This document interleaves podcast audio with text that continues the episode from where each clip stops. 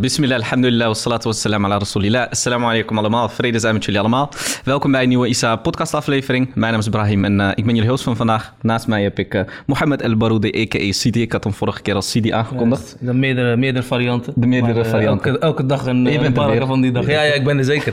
dus, en onze gast van vandaag is Noordin El-Wali. Um, wa alaikum salam, politiek leider van NIDA. Hoe is het? Goed, alhamdulillah. Ja? Leuk om hier te zijn. Dank voor de uitnodiging. Bedankt ja. voor je aanwezigheid. Ja, ja, ja, zeker. zeker. Gaat goed, alhamdulillah. Mooi om te horen. Goeie dag achter de rug? Uh, lange dag achter de rug. Lange dag. Veel kilometers gemaakt vandaag. Kilometervreter uh, vandaag. Ja, moet wel. En uh, nu in 020, maar alhamdulillah met veel plezier. Ja, je bent wel met plezier in Amsterdam nog? Ja, wel. Het is een mooie stad. Vooral de mensen zijn mooi hier. met name de mensen die ik ken. Ook de, vanuit de studentenvereniging. Ik ben hier wel een paar keer geweest. Ook hier op de Vrije Universiteit. Ja, klopt. Ja. Altijd wel met plezier gekomen. Alhamdulillah, mooi om te horen. Nou, um, ja, we zijn heel blij uh, dat je er bent. Uh, je bent natuurlijk politiek, uh, politiek leider van NIDA. Um, wat was het, het? NIDA is natuurlijk een op de islam geïnspireerde partij. Um, hoe lang zat je al met het idee voordat je begon met, met, met het opzetten van NIDA? dat heeft wel een aanloop gehad, moet ik zeggen. Ik was altijd wel maatschappelijk en politiek geëngageerd, zoals dat heet. Ja. Dus in die zin in de tijd dat we in Rotterdam de Fortuinrevolutie hadden, dat is alweer heel lang geleden. Uh, was dat, uh, groeide dat nog eens extra. Hè? Islam kwam onder de aandacht. Uh, ja. Mensen met een Marokkaanse achtergrond of andere achtergronden kwamen extra onder de aandacht in, de, in negatieve zin vooral.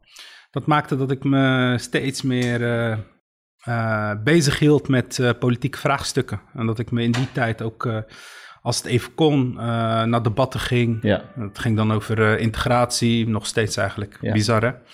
Uh, of veiligheid, of nou ja, dat soort thema's moet je aan denken. Het werd vrij veel georganiseerd in, in, in, Rotterdam. Dus daar was ik altijd wel zijdelings bij betrokken, vaak ook aanwezig. En zo is dat een beetje gegroeid. Maar om echt te zeggen, wanneer is die stap naar NIDA, dat is, ik denk voor de oprichting van NIDA. Ik ben in 2010 actief geworden als raadslid voor GroenLinks in Rotterdam. Daarvoor nog zat ik bij, uh, bij de jongeren van uh, GroenLinks in die tijd dwars. Dat was niet in de tijd, hè, nu, nu heeft GroenLinks enorm de wind in de zeilen, maar dat was in die tijd mm. echt niet. Uh, omdat ik me toen ook heel erg ging oriënteren welke, uh, ja, welke politieke partij paste nou bij mij. En ja, ik kwam een beetje uit aan de linkerflank. En dan heb je een aantal partijen. Nou, ik vind een aantal onderwerpen belangrijk, waaronder de multiculturele samenleving. Maar ook als je wat verder kijkt dan alleen maar Nederland of, uh, of je stad Rotterdam in mijn geval. En dan kijk je, ja, hoe, hoe, zit dat dan met, met de wereldpolitiek, Midden-Oosten met name? Ja, wat vinden verschillende partijen? Zo vielen een aantal partijen uit, af. En toen had je de keus tussen een aantal partijen, zoals Partij van de Arbeid, SP, uh, GroenLinks. En uh, ik ga me er steeds meer in verdiepen. SP vond ik te dogmatisch op bepaalde punten. Ja, wat je uh, individuele vrijheid nog als persoon binnen, mm. hè, binnen een partij. Als je ja, uh, het niet eens bent met bepaalde zaken, dan zag ik toch dat het SP daar toch een beetje moeilijker in is, rij sluiten. Um, Ze worden soms ook wel een beetje xenofobe Limburgers zo geframed. Ja, dat was in die tijd. Zijn ze wel open minder, voor... Uh... Maar, maar dat is, het is, het is, ik vond het een ingewikkelde partij. Ik, op heel veel punten liggen ze echt ook wel heel dichtbij wat ik belangrijk vind. Zeker waar het gaat om het sociale domein en zo. Het is echt gewoon, zijn ze echt heel sterk en heel goed. Of in ieder geval waren ze dat en kunnen dat nog veel beter. Maar een aantal punten inderdaad vond ik niet, uh, vond ik niet uh, zozeer bij mij passen. Uh, D66 vond ik toen de tijd in mijn jeugd, want ik ging ook wel eens naar bijeenkomsten of de zaken die werden georganiseerd, vond ik te elitair. Maar ook als ik terugdenk, dat was ook nog in de tijd dat bijvoorbeeld een uh, van der Laan uh, een tijd lang politiek leider was. Die was ook een beetje um, uh, ja, ja, hoe noem je dat? Uh, anti-religieus. Dus niet zo. Dus ja, dat, die sentimenten had ik toen heel erg bij D66. Dat was ook niet de partij die bij me past. De Partij van de Arbeid was heel erg van als je carrière wil maken, moet je daar zijn. Mm -hmm. Um, en ja, het was gewoon ook niet echt helemaal wat bij mij past. En zo kwam ik een beetje bij GroenLinks uit. Dat was in ieder geval toen ik me verdiepte. In mijn tijd kwam ik bij GroenLinks uit. Ik dacht toch van ja, nou goed, het is een, uh, het is een relaxed uh, club om bij te zitten. Ja. En uh, heel veel standpunten uh, vond ik ook belangrijk met betrekking tot multiculturele samenleving, duurzaamheid toen al. En, uh, en, maar ook zaken zoals het Midden-Oosten en andere punten. En ik werd daar toen actief, steeds actiever. En zo kwam het dat ik in 2010 in de gemeenteraad kwam. En gedurende mijn ervaring in de gemeenteraad En de debatten die ik daar voerde en de dingen die ik zag van waarom werken zaken zo. Kwam ik steeds meer tot de overtuiging, samen dat, met anderen, dat voor die politieke emancipatie wil je die echt goed bewerkstelligen, dan moet je iets anders doen. Dan moet je op eigen benen staan. Dus er was iets nodig, iets wat miste. en in onze overtuiging was dat een, een politieke partij. Uh, uh, die uh, iets toe te voegen had van een nieuwe generatie. En een van de belangrijkste zaken daarin vonden wij ook om islam en moslims te normaliseren. Want die komen steeds meer onder druk te staan. Dat is nu niet anders vandaag de dag. Dus dat, was, dat, dat, dat, dat waren een beetje de vraagstukken acht jaar geleden. En zo zijn we steeds meer gekomen tot de conclusie dat het eigenlijk een noodzakelijke stap is die je niet kan overslaan. Ook als je je verdiept in de, in de geschiedenis van emancipatiebewegingen. Of het nou, uh, uh, laten we zeggen, de katholieken hier in eigen land toen, ten, ten tijde van de verzuiling en daarvoor nog in hun positie. Nou, daar, daar hadden ze echt hun eigen structuren voor nodig. Maar ook uh, als je je laat inspireren door bijvoorbeeld iets als de burgerbeweging in Amerika. Uh, de, de civil rights movement, dan zie je gewoon dat dat een stap is die genomen moet worden. Uh, eerst op eigen benen, volwassen worden, je mm. eigen verhaal vertellen, uh, zonder censuur of wat dan ja. ook. Of, of nou ja, goed, mechanismes die in partijen kunnen bestaan, die, laten we zeggen, vinden dat je iets niet zo moet zeggen, maar zo ja. moet zeggen. Ja, dat, die ervaring hadden we wel ja, we zagen gewoon dat van binnen de bestaande partijen, en dat was ik niet alleen, er waren ook nog anderen die actief waren of die ervaring hadden, uh, dat het roer zat vastgeroest. En dat je echt, wat ik dan noem, als ik het in een woord moet voegen, een ontvoogdingsproces. Hè? Ik ben een mhm. beetje pedagogisch. Ja. Uh, dat ontvoogde, dus mhm. je losmaken, uh, je eigen pad kaders, ja. ja. het was eng, maar we waren ervan overtuigd dat dat nodig was en de rest is geschiedenis. Ik had eigenlijk als grappen, grappend een vraag bedacht van, heb jij toevallig een bakfiets? Dat was wel een beetje het imago, zeg maar. Is dat een terecht imago van de partij of overdrijven je dan als niks, dat? Niks, niks mis met een bakfiets. Wat is er mis met een bakfiets? Dat, dat, dat, prima, in Marokko. Met een bakfiets kinderen vervoeren. in Marokko hebben ze allemaal een, hoe noem je dat, zo'n barouetta. Ja. Weet je, geen fiets, maar wel zo'n bak. Nee, dat is, ja, ja, ik weet niet, als het beledigend bedoeld is, dan nee, snap nee, ik nee. hem niet. Maar nee, ik heb geen bak. Weet je dat groene imago, hè? Dat zit ook in het, in het logo. Maar staat dat groen dan voor duurzaamheid, hè? Ja, Bakfiets, elitair. Nee, of staat het voor islam? Wat, is het ja, dat groene staat voor allebei. Het is niet dit of dat. Maar als je, als je erbij stilstaat en je realiseert dat 70% van de edele Koran Koran al-Karim handelt over uh, natuur, handelt over zaken, dan vind ik dat een, een enorme eer en compliment. Um, ja, om als bakfiets, wat het ook in inhoudt, moslim weg te worden gezet. Maar inderdaad, we zijn wel heel erg vooruitstrevend als het gaat om de verantwoordelijkheid die wij hebben als mens hier op aarde. Om een beetje zuinig om te gaan met alles. Of het nou zelfs het water is waar je wil door mee verricht tot aan een gloeilamp mm. of niet. Maakt mij niet uit. Of groter dan dat. Ik vind dat, dat onze generatie daarin voorop moet lopen. En in het bijzonder moslims, eigenlijk, als ik heel eerlijk ben. Ook als je maar één generatie terug uh, gaat. Als je kijkt gewoon de generatie van onze ouders, mijn ouders. Als je ziet in de, in de omgeving en in de tijd waarin ze zijn opgegroeid, waar eigenlijk zo dicht bij de natuur. Uh, ze vervuilden bijna niet. Ze hadden geen auto's. Ja. water haalde je uit de put. Uh, licht moest je bij elkaar sprokkelen, bij wijze van.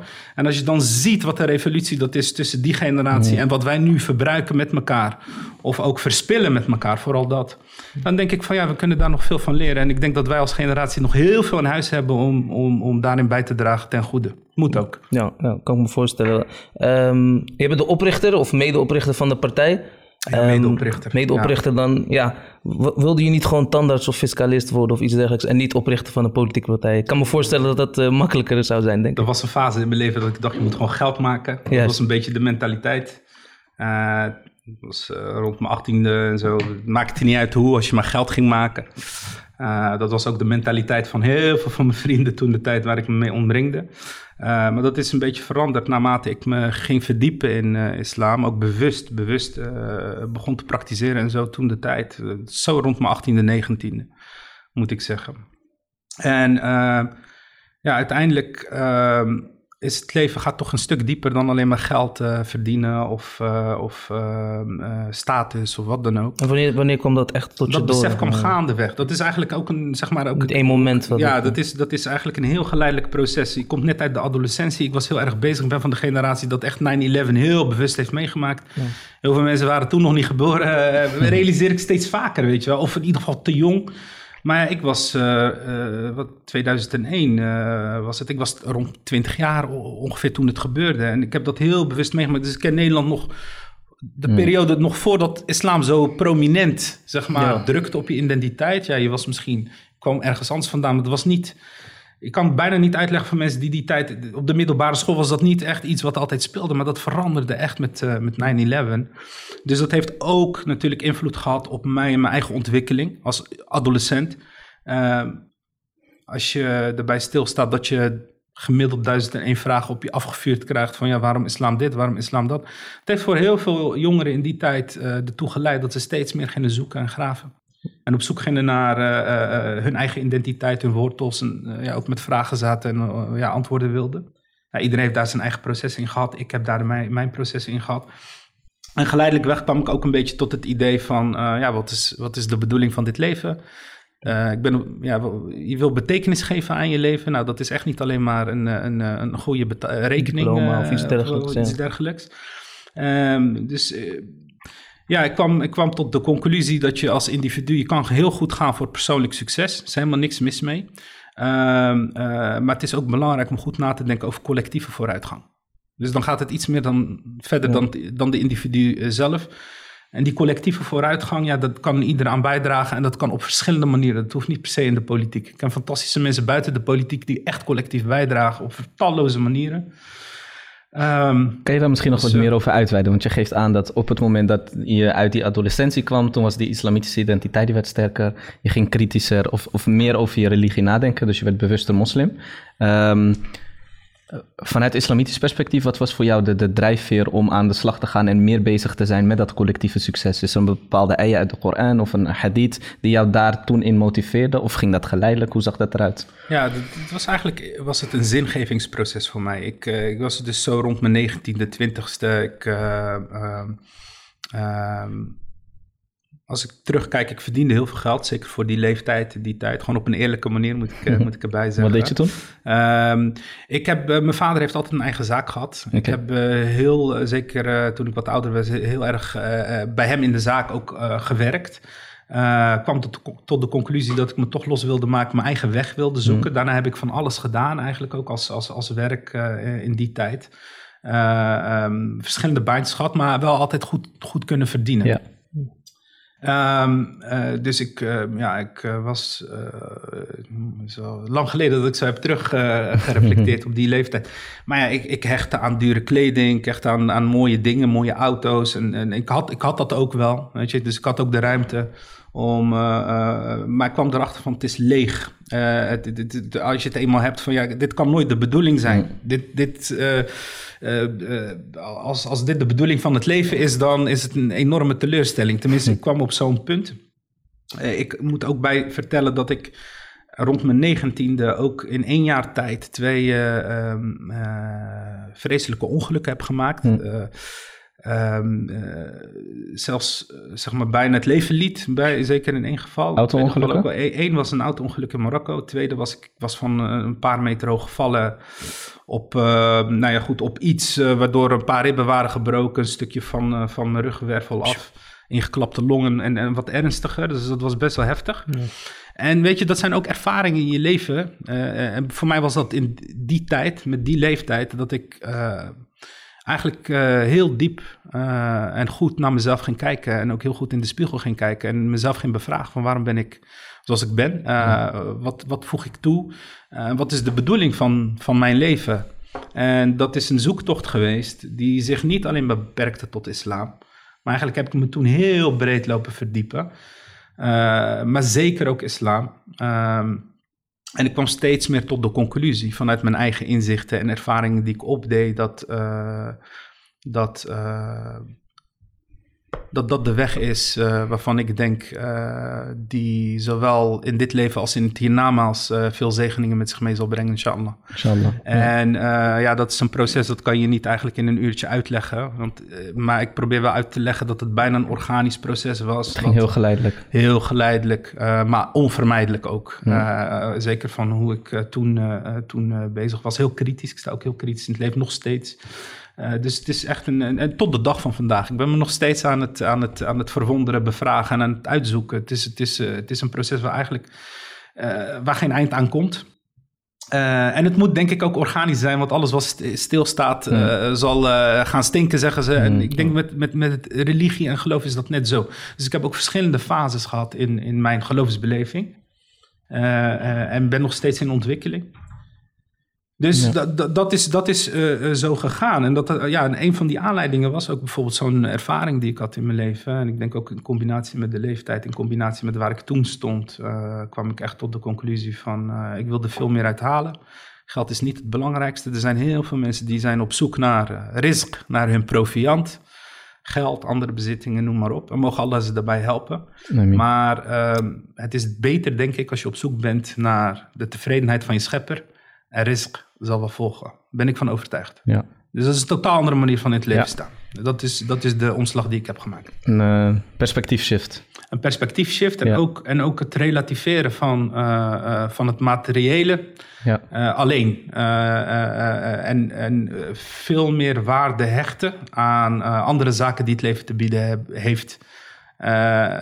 dus ook dat was een shift in hoe ik toen in het leven stond en hoe ik een beetje uit mijn proces kwam. Ja, duidelijk. En ehm, ja, als we kijken naar tegenwoordig, uh, naar onze maatschappij, lijkt het soms alsof uh, moslims het liefst onder de radar willen blijven. Omdat je toch in zo'n heftige context ja, leeft en, en best explosief is, zeg maar die context. Nou, je hebt net verteld over het tijdperk 2001 en dergelijke. Sommigen denken, zouden denken van dat toen het medialandschap misschien niet zo gepolariseerd was. Maar ik kan me voorstellen dat het volgens mij zelfs sommige tijden misschien wat erger was dan nu. Je hebt toch ervoor gekozen om jezelf in een, maatschappij, maatschappelijk debat te gooien en zelfs een politieke partij te starten. Was je je daarvan bewust dat je je, je kop boven het uh, maaiveld zou uitsteken. En dat dat misschien zou betekenen dat het toch met, met, met tegenwicht wordt geconfronteerd, zeg maar. Was het het waard voor jou dan? Uh, in het proces, in de aanloop van, uh, van het ontstaan van NIDA en de mensen die daar toen ook heel nauw bij betrokken waren, waren we tot één conclusie gekomen. Eén, het is nodig, wat ik net vertelde, het is nodig om zo'n stap te zetten in het emancipatieproces van wat wij dachten dat belangrijk is. Twee, waren we er ook van overtuigd, degene die dit doet, dat was toen helemaal nog niet duidelijk dat ik dat zou zijn, die zal een offer moeten brengen. Hè, dat was een beetje de overtuiging aan het begin. Wetende wat maatschappelijk klimaat is, in het bijzonder alles met betrekking tot islam of moslims. Zou het vergelijken met nu of was het misschien zelfs heftiger? Ja, ja, het is vergelijkbaar. Het is, uh, je, zou, je, zou, zeggen dat het alleen maar toeneemt, uh, maar het was niet minder dan, dan, dan nu. Het en in welk jaar was dat? Uh, waar het gaat om NIDA? Ja, dus dat je het hebt over... 2013 ongeveer. 13, okay. kwamen we een beetje tot de conclusie van... oké, okay, degene die dit gaat doen, gaat offers brengen. En ook daar als je dan weer reflecteert van... oké, okay, neem iemand als onze ouders, mijn ouders, die een wereld voor een wereld hebben ingeruild. Totaal onbekend waar ze naartoe gingen. Uh, huis en haard hebben achtergelaten. Uh, familieleden, alles wat ze bekend is, alles wat ze lief is, hebben achtergelaten. Uh, met als hoop, droom om, uh, om een betere toekomst voor hun kinderen op te bouwen. Dat is een offer. Dat hmm. is een offer. Niet eens wetende of het gaat lukken of niet gaat hmm. lukken, maar wel die hoop wij staan in een traditie van offers brengen. Mm. Weet je, daar heb ik heel veel motivatie en inspiratie uit gehaald. Van oké, je kan wel weer, als, weet je, als je dan weer denkt van ja, dit is toch te risicovol. Want echt nog niemand durfde echt op de lijst of dit te doen. Maar als je dan weer zo gaat rekenen van ja, het heeft toch risico's. Je kan imagoschade oplopen. Uh, uh, het kan een gevolg hebben voor je carrière. Mm. Je wordt gegoogeld, je weet mm. nooit hoe het lopen gaat. Zeker toen, toen was er nog niks. Um, um, ja, dat was geen makkelijk besluit. Uh, bovendien, ik zat al in de gemeenteraad van Rotterdam. Ik uh, deed het hartstikke goed, had het ook prima naar mijn zin. Ik was niet met ruzie weggegaan of omdat het niet goed ging. Maar behalve de overtuiging, er is nog iets nodig. Dus we zaten toen heel erg in een gesprek met elkaar van iemand moet het doen. Maar wie gaat het doen? Uh, en zo ontstond er een situatie op een gegeven moment dat er eigenlijk op mij een enorm beroep werd gedaan. door een aantal mensen.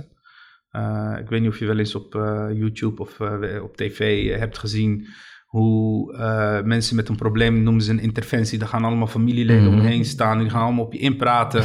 En iedereen gaat om de beurt wat zeggen. En de conclusie is, doe, jij moet het doen en jij moet dit doen. En doe het voor ons, doe het voor onze kinderen, doe het. Doe het.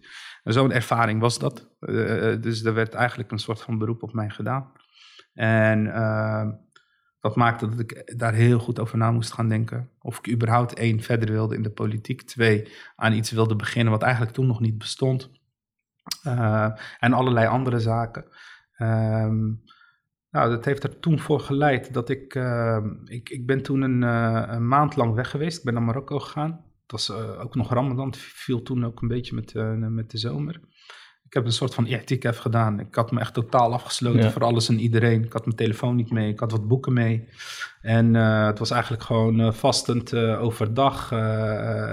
naar de moskee, s'avonds. Fajr eigenlijk dag in dag uit. Op zoek naar wat wil ik, welke kant wil ik nou op? Wil ik dit wel, wil ik dit niet?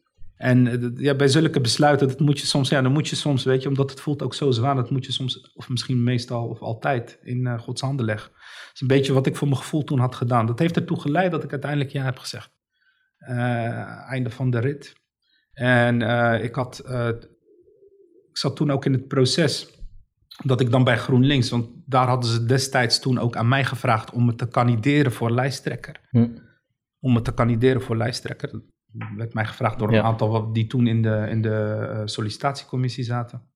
En ik heb toen in goed gesprek met mijn collega's toen fractievoorzitter toen. Dat was Arno Bonte, de afdelingsvoorzitter van, uh, van de afdeling GroenLinks Rotterdam. Goede gesprek gehad, heel open. Ik heb ze mijn dilemma uitgelegd en de conclusie was: ik wil mijn hart volgen.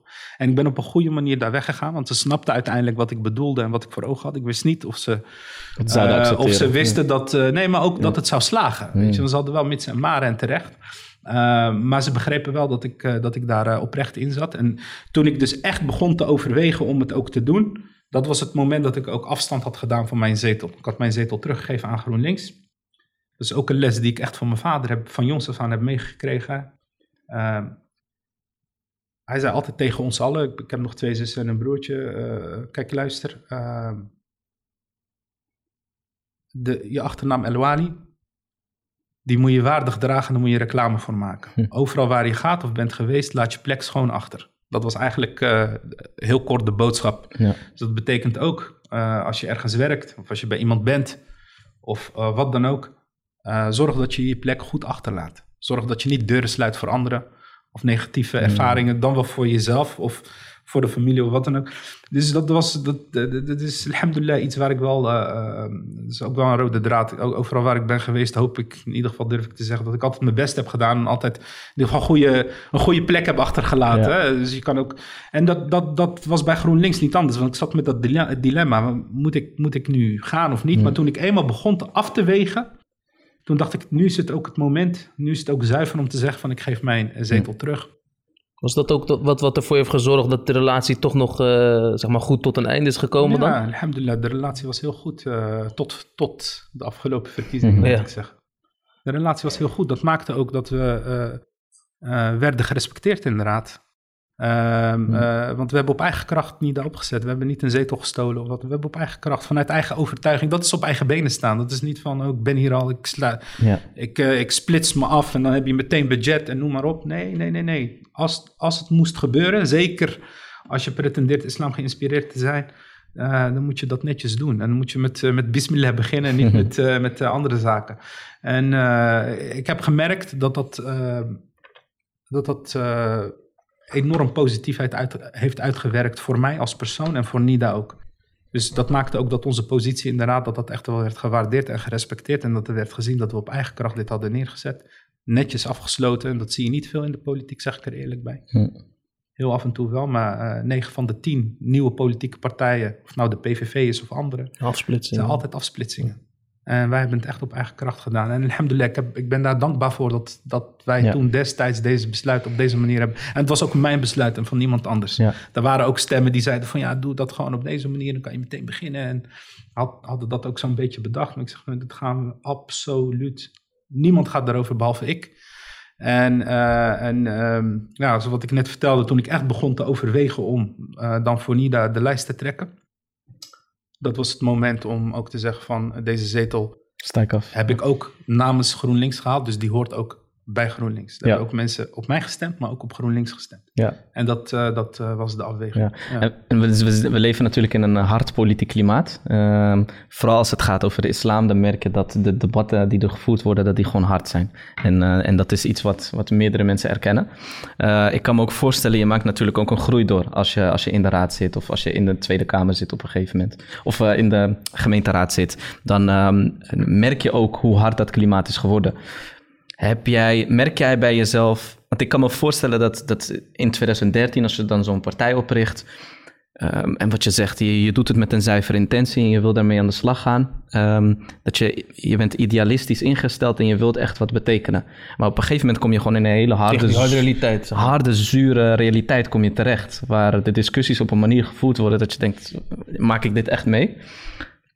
Ik kan me ook voorstellen dat je daardoor ook een, eh, een, een dikke, dikke huid opbouwt door die tijd heen. Hoe is dat, dat ontwikkelingsproces gegaan voor jou? Want ik kan me voorstellen de eerste keer als je dan daar in de raad zit en die discussies meemaakt, dat je, dat je daarvan kan schrikken hoe, Ja. er, hoe er op jou gereageerd wordt. En ehm, ik merk dat ook wel. ehm, als ik dan interviews zie van bepaalde politici, dat ze in het begin nog wel ja, aardig zijn en echt hun best proberen te doen om gewoon beschaafd uit de hoek te komen. En op een gegeven moment merk je gewoon dat ze zoiets hebben van, ja, dit werkt gewoon niet. Dit is gewoon niet hoe er gecommuniceerd wordt. En ik kan mijn boodschap gewoon niet overbrengen, dus ik moet gewoon hard eh, erin gaan. Merk je dat ook aan mij, als ik vragen mag? Ehm, ja, ik denk ergens wel. Ik heb natuurlijk ook een beetje interviews teruggekeken, toch? Dus ik merkte wel dat, eh, dat er bepaalde interviews waren. Nou, ja, misschien, misschien bij Pauw. Goed voorbeeld. Zat je tegenover de, de lij- of ik weet niet of het de lijsttrekker was, maar je zat tegenover iemand van de PvdA. Jullie waren Oh, net ja, gestart ja, toen. Ja. Pauw en Witteman was dat Ja, toen de tijd. nog. ja. Maar ik moet zeggen dat je toen ook al best wel gewoon goed uit je woorden kwam en gewoon direct recht voor zijn Ja. raap was. Alleen ik kan me voorstellen dat op een gegeven moment dat je merkt, ja, deze hele manier van beschaafd overkomen eh, heeft geen effect. Het, ze gaan me er niet beter op behandelen op die manier. Nou, dus eh, ik, ik weet niet of je snapt waar ik bedaan- vandaan kom, maar dat je op een gegeven moment merkt van ja, ik moet gewoon harder Ja. uit de hoek komen. Hoe is dat proces voor jou gegaan? Ehm, er zitten twee elementen aan. Eh, allereerst hoe, hoe mijn proces, hoe ik me heb ontwikkeld tot het punt dat je inderdaad van, ja, je maakt een hoop mee. Je, Ja. Er worden ook een hoop dingen op je afgevuurd van hoe ga je Ja. daarmee om. Ja. Kijk, ik heb eh, eh, dankzij mijn studie heel veel kunnen reflecteren op onder andere mijn eigen ontwikkeling, opvoeding. En die hebben. Studie is pedagogiek. Ja, dat. ja, ja. En ehm, een van de elementen die, eh, die ik heb ehm, gezien, of waar ik inzicht in kreeg, was bijvoorbeeld. ehm, kijk, wij, wij, wij komen uit soortgelijk gezinnen. We komen uit, uit, uit wat je zegt, een prachtige, mooie groepscultuur. Een, een, een- een, een gezin ehm, waarin je een aantal prachtige elementen hebt. Zoals, eh, ja, het gaat niet alleen om jou. Ehm, ehm, eh, je zorgt voor elkaar, je kijkt naar elkaar om. Hè. Dit is een beetje de groepscultuur. Wat anderen van je vinden is ook daarin eh, eh, niet onbelangrijk, et cetera. Je wordt ook vaak vergeleken met anderen. Ik weet Ja. niet of jullie dat herkennen. Bijvoorbeeld van, eh, ja, wat nou als de buurvrouw dat ziet? Of waarom ben je niet een beetje zoals je neefje die en die? of andersom. Weet je, dus dat, er zitten heel vaak elementen waarin niet het individu centraal staat, maar de groep eigenlijk centraal staat. Dat is, dat is prachtige dingen. Maar er zit ook inderdaad een beetje een, een schaduwkant aan, want dat maakt ons in die zin eh, kwetsbaar. Als je heel vaak ehm, als je wordt gevormd in een systeem waar het belangrijk is wat de ander van jou vindt, eh, dan word je natuurlijk kwetsbaarder op het moment dat mensen negatief over je zijn of over je spreken of over je denken. Hè, de meesten hebben dit niet door, maar dat is een inzicht. Kijk, in het leven kom je mensen tegen die je de lucht in kunnen prijzen. Ah, mashallah, niemand als jij, uh, tabarakallah, dit en dit en dat. Oké. Je kan ook mensen tegenkomen die je de grond intrappen. Uitschot, uh, puntje, puntje, Marokkaan, uh, noem maar op. Dat is de andere kant. Of het kan ook in persoonlijke, dit is een ja. beetje op meten, maar het kan ook in persoonlijke situaties ontstaan. Kijk, wat, wat, ik, wat ik heb geleerd met, met, met, met dit soort inzichten is dat eigenwaarde moet je nooit, jouw eigen waarde als mens moet je nooit koppelen aan de mening van een ander. Of je nou in de lucht wordt geprezen, het is niet de bedoeling dat je naast je schoenen gaat lopen of in de grond wordt getrapt. Het is niet de bedoeling dat je je hoofd laat hangen. Eigenwaarde moet in eigen beheer. En dat is een heel belangrijk inzicht. Dan, dan is het eigenlijk secundair of misschien zelfs onbelangrijk wat de ander van jou vindt. Ja, en ik denk vooral als moslim zijnde dat... Zeker. Dat, dat er uh, heel sterk voor kan zorgen dat je eigen waarde koppelt aan de tevredenheid van je schepper en niet aan wat andere mensen om je heen dus denken. Dat, is, dat, dat hou je dan bij jezelf. Ja. Dat is niet gekoppeld aan een andere ja. mens of een andere mening van iemand anders. Natuurlijk zijn er bepaalde personen die als ze wat van je vinden, die je moeilijk naast je neer kan leggen, zoals je eigen moeder of uh, andere mensen die dichterbij uh, staan. Ik bedoel, hoe, hoe, dik die harnas ook is, uh, die, die, die, dat soort boodschappen komen altijd door. Je moet ook niet ongevoelig zijn voor feedback of terechte zaken. Maar je eigen waarde is eigen beheer. Dat, dat is een inzicht die, die ik jong heb verkregen en ja. die me enorm heeft geholpen in hetgene wat ik doe. Dus ook als ik tegenover een pauw zit of wie dan ook, ja. zou dat niet hoeven uit te maken om beschaafd over te komen. Ik probeer niet op een bepaalde manier over te komen. Ik probeer vooral uh, een, een, een bepaald iets over te brengen. Ja. En ja, de ene zal het fantastisch vinden, de andere niet. En dat is secundair, want daar ga je niet over. Dat is niet in mijn hand. Wat een ander van mij vindt, ja, dat, dat is... Ja, dat, is, dat heeft te maken met de mening van Helpt een ander. mij niet om mijn Precies. doel te bereiken. Ja. Dus dat helpt mij in ieder geval wel in mijn grondhouding, ja. in hoe ik uh, uh, zeg maar hier zit of ja. thuis of in welke setting dan ook. Dat is enerzijds. Anderzijds moet ik je wel erbij vertellen dat uh, je zegt van joh, heeft dat zin om altijd, laten we zeggen, beschaafd en redelijk je, je werk te doen? Kijk, ik kan. Nee, nee, dat was niet zozeer. Maar, nee. maar wat ik meer bedoelde was um, hoe ontwikkel je die dikke huid door die tijd in? Hoe gaat dat proces? Hoe ziet dat ja, proces ja, ja, eruit? Precies. Nou, dit is één element. Dus uh, ook de, het inzicht dat niemand op deze wereld kan je beledigen, tenzij je het zelf toelaat. Ja. Ik kan het heel erg belangrijk vinden uh, of onbelangrijk vinden wat iemand van mij vindt. Mhm. Dus dat is wat ik zeg. Als ik het toelaat, als ik, je kan nu me van alles uit gaan maken, maar je gaat me pas raken. En dat is eigenlijk een heel bewust proces op het moment dat ik daar waarde aan, aan, toeken. Ja. Maar als ik besluit dat niet te doen, dat ik denk van eigenlijk wat je vroeger zei op de schoolplein, wat je zegt, ben je zelf. En het maakt me eigenlijk niet uit. Weet je? Dat is eigenlijk een mentaliteit die op zich wel oké okay is. Uh, maar nogmaals, je moet niet een soort van ongevoelig, egoïstisch uh, wezen worden. En, dat hoor je, kijk, dat zegt bijvoorbeeld Ebru Oemer altijd. Die kiest er zelf voor of je beledigd bent. Dat is wel grappig dat je het ook. Maar je bedoel je het op dezelfde manier? Nee, nee, of, maar ze heeft wel een kern van waarheid. Okay. Niemand kan je beledigen tenzij je het zelf toelaat. Ik, geef je, ik maak jou in die zin uh, krachtiger op het moment dat jouw woorden mij raken. Of ik kan, kijk, op het moment dat ik iemand heel graag mag ja. en vertrouw en hoog heb zitten. Ja, als zo iemand iets zegt tegen mij wat misschien naar is of niet, of, of niet fijn om, om onder ogen te zien. Ja, dat is, dat, dan, dan is dat niet eens een bewuste keuze, maar dan is dat iets wat me raakt, omdat je in feite een relatie tot iemand hebt. Maar zo'n Ebru Oemar, laten we eerlijk zijn. Ze heeft gelijk. Ze kan roepen wat ze wil. Uh, maar waarom neemt de een het heel hoog op en de ander die kan dat heel makkelijk naast zich neerleggen? En eigenlijk ook om te bewegen in de samenleving als de onze, het heeft te maken met je eigen waarde, nogmaals. Ja ga je je eigen waarde koppelen aan iemand als zij? Uh, ik zou daar niet voor kiezen. Dus ja. voor mij, mij laat het in principe koud. Hoewel ze hele ja, uh, bizarre dingen soms zegt. Uh, die ik onverstandig of te ver vind gaan. Of noem maar op, noem maar een kwalificatie. Of, of, of pervers of ziek zelfs soms. Die kwalificatie kan ik erbij hebben. Maar ze raakt mij als mens niet. Dat is, dat is even gewoon mijn, mijn grondhouding. Ja. Dus, dus dat is één element. Tegelijkertijd, en daar zal ik gewoon ook heel eerlijk en transparant in zijn. Uh, ik had eerder vandaag een belangrijke afspraak uh, met betrekking tot uitlatingen die niet zo lang geleden in de krant zijn gedaan met betrekking tot mij. Uh, ik werd in een artikel in de Telegraaf gelieerd of gekoppeld aan een terroristische organisatie. Hm. Uh, ik werd genoemd als de lobbyist van Hamas. En dat is iets wat vaker gebeurt. Kijk, dit is een andere. Dit is, nu begint het een beetje eng of gevaarlijk te worden. Want je weet ongeveer wat het betekent ja. om als individu uh, uh, onterecht gelasterd en gesmaad te worden. En weggezet te worden als het ware. Je bent een gevaar of je behoort sterker nog, je behoort ja. tot een terroristische organisatie. Eén, het is gewoon feitelijk onjuist. Dat één. En twee. Uh, dit gaat dan weer een andere grens over. Het is op de man, het is met een agenda. Uh, dus wat doe je dan in dat soort situaties? Dit heeft niks met dikke huid te maken, maar dit heeft meer te maken met, ja, laat ik me dit Gewoon. Strategisch gewoon. Ja, laat ik met dit aanpraten. Laat, weet je, mensen kunnen van alles zeggen, dat is waar. Maar nu begint het op een randje te komen dat het ook gewoon gevaarlijk kan worden. Ja. Uh, dat, het, dat, dat, dat het je als persoon raakt, dat het ook gevolgen kan hebben. Uh, ook voor het doel wat jij wil bereiken. Ook ja. voor het doel, ja. ook als, mensen, als er mensen zijn die dat echt werkelijk geloven. Omdat niet iedereen kent mm. mij of zo, die lezen zoiets in de krant. Ik bedoel, iemand in, in, in, in Groningen of waar dan ook hier in Nederland, ja, ja die, moet dat, die leest dezelfde krant. En weet je, die denkt dan, oh, daar hebben we een terrorist. Nou, dat zijn zaken waar je goed over na moet denken. En dat is per individu hoe die daarmee omgaat. Uh, dus dat is even een moeilijke afweging waar ik nu in zit. Van ja, ga ik hier nou echt uh, werk van maken? Dus ook in juridische zin. Ja. Of zijn er andere argumenten om dat niet te doen? om even een voorbeeld te geven, want dat zijn ook elementen die meespelen en die ook vaak kan meemaken als je een publiek bestaan hebt. Ja. Dat, dat mensen uh, Pogen om karaktermoord te plegen. Karaktermoord. Ja. Uh, in de tijd van, uh, van Pim Fortuyn werd dat demoniseren genoemd.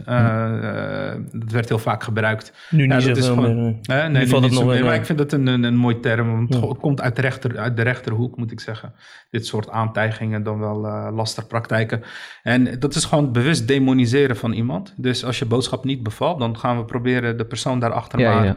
in discrediet te brengen. Dus dan hoeven we ook niet meer naar je boodschap te luisteren natuurlijk. Yes. Uh, Dus de boodschap kunnen we niet, uh, niet, uh, niet in discrediet brengen, dus brengen we de boodschappen ja, in discrediet. de boodschappen, dus dan wordt het echt op de man gespeeld. En dat Ja. kan heel ver gaan. Maar zo jongeren zullen dan ook zeggen, die, die vaak zeg maar jongeren met een migratieachtergrond of islamitische jongeren bijvoorbeeld, die zullen dan vaak zeggen van ja, je, je kan wel zelf kiezen of je je beledigd eh, voelt, zeg maar. Ja, daar, zit, daar zit ook wel iets, wat iets in. Hè? Misschien als Ibn Umar het zegt, klinkt het meer demagogisch, omdat zij jou dan gelijk erachterna ook uitscheldt. Dat is dan vaak komt dat een beetje niet zo goed uit. Maar eh, oké, ik moet eerlijk zeggen, daar kan misschien wel wat in zitten. Maar wat de jongeren dan zullen zeggen is dat, dat, dat zij voelen, hè, laten we dan in het midden of het echt een feit is of niet, dat zij in de hoek zitten waar de klappen vallen. Dus dat iemand anders die in- uit een andere bevolkingsgroep zou komen, niet hetzelfde hoeft door te maken als zij. Dat dat een extra iets is waar zij mee om moeten gaan. Tuurlijk. En dat eigenlijk van hen wordt verwacht dat, dat ze in de fout gaan. ehm, eerder dan dat ze de kans krijgen om zichzelf te bewijzen. Zo van, het gaat heel snel om, kijk, zie je wel, we hadden dat al zien aankomen. Je hoeft niet veel te doen om, om daarin te komen. Maar. Hoe, hoe, hoe rijm je die twee? Dat je zelf ervoor kan kiezen wat voor eigenwaarde je hebt. Ja, nee, nee, ja, maar dat is echt eh, per individu anders. Kijk, het is best interessant om te zien hoe... Kijk, het is best ingewikkeld. Ik ben geboren en getogen in Rotterdam. Wat ik zeg, ik ken nog Nederland, laten we zeggen, voor 9-11. hè. Dat was een beetje mijn middelbare schooltijd, basisschool. Dus ik heb, ik heb die zijde, maar ik heb ook de andere zijde. Ik heb een zoontje nu, die zes jaar, die groeit op in een land als, eh, als Nederland. Ehm, het is best ingewikkeld als je, la- laten we zeggen, imago van eh, eh, een jonge Marokkaanse man in het bijzonder, of jongeren. Ehm, eh, moslimjongeren, Marokkaans-Turks, eh, met, met die achtergronden. Eh, en dat Turks is eigenlijk van de laatste tijd. Ja, ik wilde net zeggen, nu voelen we ons ja, zeg maar meer van de laatste in tijd hetzelfde Weer een element. Maar goed, Mm. Die collectieve identiteit die is heel negatief en heel ingewikkeld. En ik kan me voorstellen dat als je als jongere zeg maar, opgroeit in zo'n maatschappelijk klimaat, wat ik een giftig maatschappelijk klimaat noem. Dat dat, eh, eh, zeker als je kwetsbaar bent, dat dat hele rare dingen met je kan doen. Over je zelfbeeld, over eh, je gevoel. Waarom de ene daar zo mee om, omgaat en de andere zo, dat vind ik een hele ingewikkelde. Dat heeft uiteindelijk ook te maken met hoe, in wat voor situatie groei je op. Is er voldoende ook liefde in je directe Ja. omgeving? eh, mensen die je aanmoedigen, eh, eh, je helpen in je, in, je, in, je, in je zelfbeeld op een positieve manier, je zelfvertrouwen geven, et cetera. Of ontbreekt dat totaal? Heb je ook nog. Ja, dat zijn allemaal elementen die, die, die, die mee kunnen spelen. Ik vind het wel interessant om te zien. Ik heb ooit een, een hele eh, grove of een globale indeling gemaakt van verschillende reacties vanuit datzelfde fenomeen. Die negatieve maatschappelijke eh, eh, eh, klimaat, dan wel imago, die, die, die eigenlijk op, op hele groepen wordt gedrukt. Er zijn mensen die. Eh, die zeggen van ja, je mag zeggen wat je wil, maar ik ben hier geboren. Ik ben gewoon een Nederlandse staatsburger. Je zag heel vaak die acties in het verleden van Born Here, dat mensen op met een paspoort op de foto Ja, gingen. ja. Dat is een reactie. Je ziet een, een, een, een, een- en dat is volgens mij echt de grootste groep. Je ziet een, een, een, een, een middengroep, een, een, een groep die letterlijk tegen de maatschappij gaat aantrappen. Die denkt van ja, eh, eh, eh, wat doet de maatschappij voor mij? Ze moeten mij niet. Dus, hè, dus die echt letterlijk, hè, dat kan in crimineel gedrag, vandalisme en noem maar op eh, belanden. Dit is niet een één op één duiding. Hè, dat, daar is het te simpel voor. Maar ik, ik zie wel ook, ook daarin een reactie. En je ziet ook nog een derde groep die gaat nog een stap verder. die denkt van, joh, heel dat Westen of Nederland, ik maak het even, ik chargeer, ik maak het mhm. heel zwart-wit en mhm. simplistisch. Heel dat Westen, dat is een en al slecht. Ik ga mijn hel ergens anders zoeken. En die, die gaan, denk, in hun, denk ik, beleving, willen ze een paradijs op aarde stichten. En maken het besluit om naar Syrië te gaan, bijvoorbeeld. En in werkelijkheid brengen ze de hel voort. Ik bedoel, dat, dat is, dat is laten we dat ook gewoon onder ogen zien wat maakt dat de ene naar Syrië gaat, dat de ander tegen die maatschappij blijft aantrappen en dat de ander denkt van je, ja, je kan zeggen wat je wil, maar ik, ik, ik, ik, ik, ik kom er wel. Ik, ik zoek mijn eigen weg hier en de rest is secundair. Ik vind dat een hele ingewikkelde, maar dat dat element een rol speelt en dat we daar ook mee worden geconfronteerd. Zeker in je adolescentiefase, de fase waarin je heel erg met je identiteit bezig bent. Wie ben ik? Wat past bij mij, wat past niet bij mij? Dat maakt heel veel jongeren in ieder geval kwetsbaar. En... Uh, je bent zelf vader, hoe zou je ervoor zorgen dat, dat bijvoorbeeld jouw zoon daar zijn goede weg in vindt, zeg maar?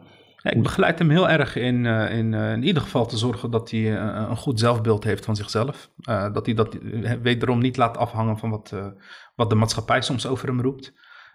dat hij um, voldoende ervaringen opdoet in het leven die breder zijn dan alleen maar hier in Nederland. Ik bedoel, ik ben bijvoorbeeld in de Verenigde Staten geweest, lang geleden alweer. En dan vragen mensen, oh, where are you from? Weet je wel. En dan zeg ik, ja, uh, weet je, I'm from Morocco en uh, I live in the Netherlands. Oh, Morocco. Weet je, dat is daar echt zo positief. Ja, dat hebben ze een, heel raar, weet je. Daar hebben ze echt een heel het laatste in Rusland, dat is heel mooi om mee te maken. Ja, ja, ja, want dat vinden ze dan. Hè, dat vinden, dus, dus er zijn ook heel veel plekken in de wereld.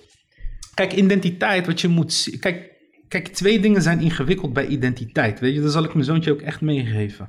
Op het moment dat je een, een complexe identiteit, een veelkleurige identiteit, die ook verandert met de jaren, ehm, als je die reduceert tot één element, is onderdrukkend. Als ik zeg je bent alleen moslim of je bent alleen Marokkaan of je bent alleen Nederlander. Maakt maar even niet uit. Maar we zeggen, jij bent Nederlander of jij bent Marokkaan. Dat is allemaal onderdrukkend, want ja, je bent zoveel meer dan alleen dat. Daarom zo'n keuze van ben je Marokkaan of Nederlander, die, die, die onzin uh, vragen, die echt veel jongeren ook uh, in een eh, loyaliteitsconflict brengen, zijn schadelijk. Dat is een beperkende vraag. Dat, is, dat is een beperkende vraag en plus het is een onderdrukkende vraag, want je reduceert een, een, een complexe identiteit, een gelaagde identiteit tot één element. De andere kant is ook waar het veralgemeniseren van ja, we zijn allemaal hetzelfde. We zijn, is net zo onderdrukkend. Nee, want ik ben ook wel anders. Dan mag er ook geen ruimte voor verschil zijn. Exact. Dus, dus die simplistische concepten die je nogal makkelijk mee zou kunnen krijgen vanuit deze maatschappij, die moeten echt doorbroken worden. Uh, identiteit is, is, is, is iets wat, wat, wat, wat verandert in de tijd. Ik bedoel, zes jaar geleden bijvoorbeeld was ik nog geen vader. Ik had nog geen kind. Vaderschap is een zeer belangrijk onderdeel van mijn identiteit geworden. Jullie zijn nu studenten is een heel belangrijk onderdeel van jullie, uh, van jullie identiteit. Maar straks uh, ben je een professional en beoefen je een beroep, wordt dat een heel belangrijk element van je identiteit. Kijk, in een kamer vol met vrouwen is het niet interessant of ik, of ik Marokkaanse achtergrond heb, moslim. Of, op dat moment ben ik man. Dat maakt me anders met mijn omgeving. In een kamer vol met bejaarden ben ik de jongere. in een kamer vol met jongeren ben ik de volwassene. Mhm. Dus identiteit is één het verandert heel erg in de context. Naarmate de context verandert. En daar moeten onze jongeren ook mee leren omgaan. Dus, dat is ook, dus hoe meer mijn zoon in verschillende uh, omgevingen komt, uh, blootgesteld wordt aan verschillende ervaringen die het leven te bieden hebben, hoe denk ik ook dieper en gelaagder zijn besef is van zijn eigen identiteit en ook denk ik ook um, hij weerbaarder wordt om in verschillende situaties ja, op, op, een goede manier, laten we zeggen, een soort van copingstrategie te ontwikkelen. En, um, geldt dat ook voor een collegezaal vol met autochtoon Nederlands en eentje van Marokkaans afkomst? Ja, dat gaat net zo. dat, ik heb wel vaker jongeren gehad die daar zeg maar ook een beetje, je komt uit een middelbare school die heel divers is. Dus je bent niet per se Marokkaans, je bent niet per se ja. uh, Nederlander, Turks, weet ik het. Ga je naar een middelbare school, wat al iets minder wordt, en dan de universiteit, dat, dan praten we over percentages. Dat, dat, ja, het hoeft geen reden te zijn om je niet thuis te voelen, maar soms denk je wel dat je, ja, nee, dat, daar moet je, mee leren vreemde eend in de bijt bent. Absoluut, zeker als je die ervaringen niet hebt. Dat zal ook met de tijd, als je hè, vaker dat soort situaties meemaakt, dan dan is het wel iets wat je gewend bent. Maar je moet ervan bewust zijn dat, dat, dat, dat identiteit inderdaad uh, zo kan werken en dat het uh, niet absoluut is, altijd diffuus is en dat je identiteit ook heel rijk is. En de beste manier om jezelf te leren kennen is denk ik ook door uh, heel veel te reizen bijvoorbeeld. Ik heb een neef in Marokko, die is ongeveer van dezelfde leeftijd als ik. Sprakallah doet het goed, heeft gestudeerd, heeft, hij is ondernemer. Daar heb ik heel vaak gesprekken mee zo door de jaren heen. Maar wat ik wel heb ervaren, en dat is waarom ik zo blij ben eigenlijk met het feit. Ik heb er niet voor gekozen, het is gewoon een feit. Dat ik in een stad Rotterdam ben geboren, ben opgegroeid. Je ontmoet de wereld. Je ontmoet de wereld. En niemand is iemand zonder de ander. Dus ik heb ook jou nodig om wat dingen voor mezelf te leren. Vergelijk het met, vergelijk het met een vis in de oceaan. Die heeft niet door dat hij door water wordt omringd tot het moment dat jij met je hengel komt en hem uit het water trekt en denkt, wauw, wauw. Dus ik, weet je, dit, dit, en dat doet reizen ook met ons. In verschillende omgevingen komen we tot verschillende inzichten. In de omgeving waar mijn neef is opgegroeid is alles normaal. Hij, hij zet geen vraagtekens bij verschillende dingen, want iedereen kleedt zich min of meer hetzelfde, vindt min of meer hetzelfde, eet min of meer hetzelfde. Dus dat is een omgeving waar, uh, waar uh, je eigenlijk niet wordt geconfronteerd met contrast. En dat geconfronteerd worden met contrast, daar liggen heel veel inzichten. Dus als je ook kijkt naar de bloeitijd van islam, bijvoorbeeld ten tijde van Andalusië bijvoorbeeld. Als je zegt van wat waren nou de elementen die ertoe hebben geleid dat eh, er zo'n bijdrage ook aan de beschaving in haar geheel is geleverd vanuit uh, toen Andalusië met name. Eén, ze waren enorm geletterd. Er waren bibliotheken zo groot als ik weet niet wat Cordoba, andere voorbeelden. Dus uh, analfabetisme, dat probleem was er niet of nauwelijks. Twee, ze hadden de beste scholen dan wel instituties ter wereld toen. Hè, dus als je kennis wilde, dan moest je een beetje die kant op. en het liefst ook Arabisch spreken, want heel veel kennis was ook vanuit het Arabisch ook weer vergaard vanuit Grieken en andere en andere. Maar het was daar wel geculmineerd. Het zou later ook ontsloten worden. en drie, er was enorm veel diversiteit. Er was enorm veel diversiteit. Door deze gegevens zag ook dat heel veel mensen trokken ook naar Andalusië. Uh, je had bijvoorbeeld de Gouden Eeuw van de, van, de Joodse Gouden Eeuw was onder de Andalusische heerschappij. Denk aan Maimonides, andere geleerde filosofen. Dus je kreeg ook een, een, een universiteit Leiden. Die heeft hè, bijvoorbeeld nog steeds banden. Dat is te herleiden tot aan die tijd. Een Oxford University, dat kan je ook weer herleiden tot aan die tijd. Want het bracht in die tijd heel veel mensen uh, trokken naar die uh, plek. Dat was toen de wereld Arabisch sprak. Dat is een prachtige documentaire. Omdat heel veel kennis toen, om nog even een voorbeeld. Maar die diversiteit dat is een belangrijk element. Dat is een enorme belangrijk. Dus mocht islam of ooit weer een reveille, een opleving meemaken, dan ben ik ervan overtuigd dat dat in een omgeving als de onze zou gebeuren. Uh, ja, maar daar wilde ik inderdaad naartoe gaan. NIDA is opgezet als emancipatiebeweging. Uh, je, geeft ook aan, je hebt veel research gedaan ook naar andere emancipatiebewegingen, zoals in de Verenigde Staten met de Civil Rights Movement. Wat denk jij dat, uh, dat wij nodig hebben om die emancipatie op een goede manier uh, voor elkaar te krijgen als moslimgemeenschap in het Westen? Wat, wat zijn de elementen die, of wat zijn belangrijke elementen waardoor wij die emancipatie goed door kunnen maken? Ten eerste uh, een andere mentaliteit, een mentaliteit van betrokkenheid. En inderdaad, los van het individualistische. Want ik zie nu ook echt, een, echt best wel een uitdaging ontstaan van, um, laten we zeggen, een generatie die alhamdulillah heel goed weet aan te haken, studeert, uh, hoog opgeleid is en, en, zijn weg wel weet te vinden. Uh, of het nou in Nederland of ergens anders op de wereld is. Het is echt een, een groep die alhamdulillah behoorlijk zelfredzaam is. Maar dat kan vaak in één en dezelfde gezin. Kan je een aantal hebben die heel goed weten aan te haken. Maar in datzelfde gezin zie je een paar die gewoon die aansluiting hebben gemist. En uh, hoe groot blijft de solidariteit tussen deze groep en de groep die uh, uh, helaas door omstandigheden of wat dan ook, of gewoon niet die aansluiting heeft gevonden. Dat is één belangrijke uitdaging. Dat is één belang. Ik ben er wel optimistisch over, want ook als ik kijk naar initiatieven als, uh, waar ik ook in het verleden actief voor was, MDLI uh, en andere ja. initiatieven, heel veel. Ik zie, alhamdulillah, ook uh, studentenverenigingen die echt wel ja. bezig zijn met wat kunnen we teruggeven, wat kunnen we terugdoen. Dat vind ik mooi. Hoe lang dat zo blijft, Wallahu alam, ik weet niet, hmm. maar ik vind dat heel belangrijk. Ja. Want we zitten best wel in een geïndividualiseerde omgeving. Ja. Waar het vooral belangrijk is dat je ja, gewoon op eigen benen staat. Het is ingewikkeld genoeg. En het materiële, waar je het net ook over En het materiële, ja. dus ja, dat is één, die solidariteit. Ten tweede, ik geloof uh, heel erg, ook vanuit de inzichten die ik heb gedaan, in uh, uh, het creëren van eigen instituties. Ik geloof in ehm, in zekere zin ook wel in een zuil of in de, in de verzuiling, als je niet, niet vanuit de segregatie-idee, maar vanuit de emancipatie-overtuiging. Wat bedoel ik daarmee te zeggen? Eén, vandaag de dag is het bijna onmogelijk om gesegregeerd te leven. Bijna onmogelijk. Dat is mijn overtuiging met, met de social media wat we hebben. Uh, stap maar in de metro, kom maar op welke plek ja. dan ook. Je ontmoet echt de wereld. Dus echt totaal in je eigen zaal, bijna onmogelijk. Maar goed.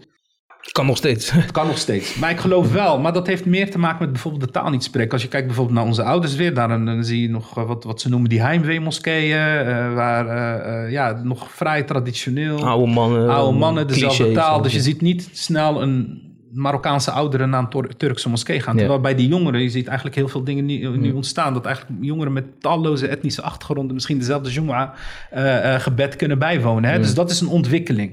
Is een hele belangrijke ontwikkeling. Maar waar ik in geloof, is dat we eigen instituties moeten opzetten.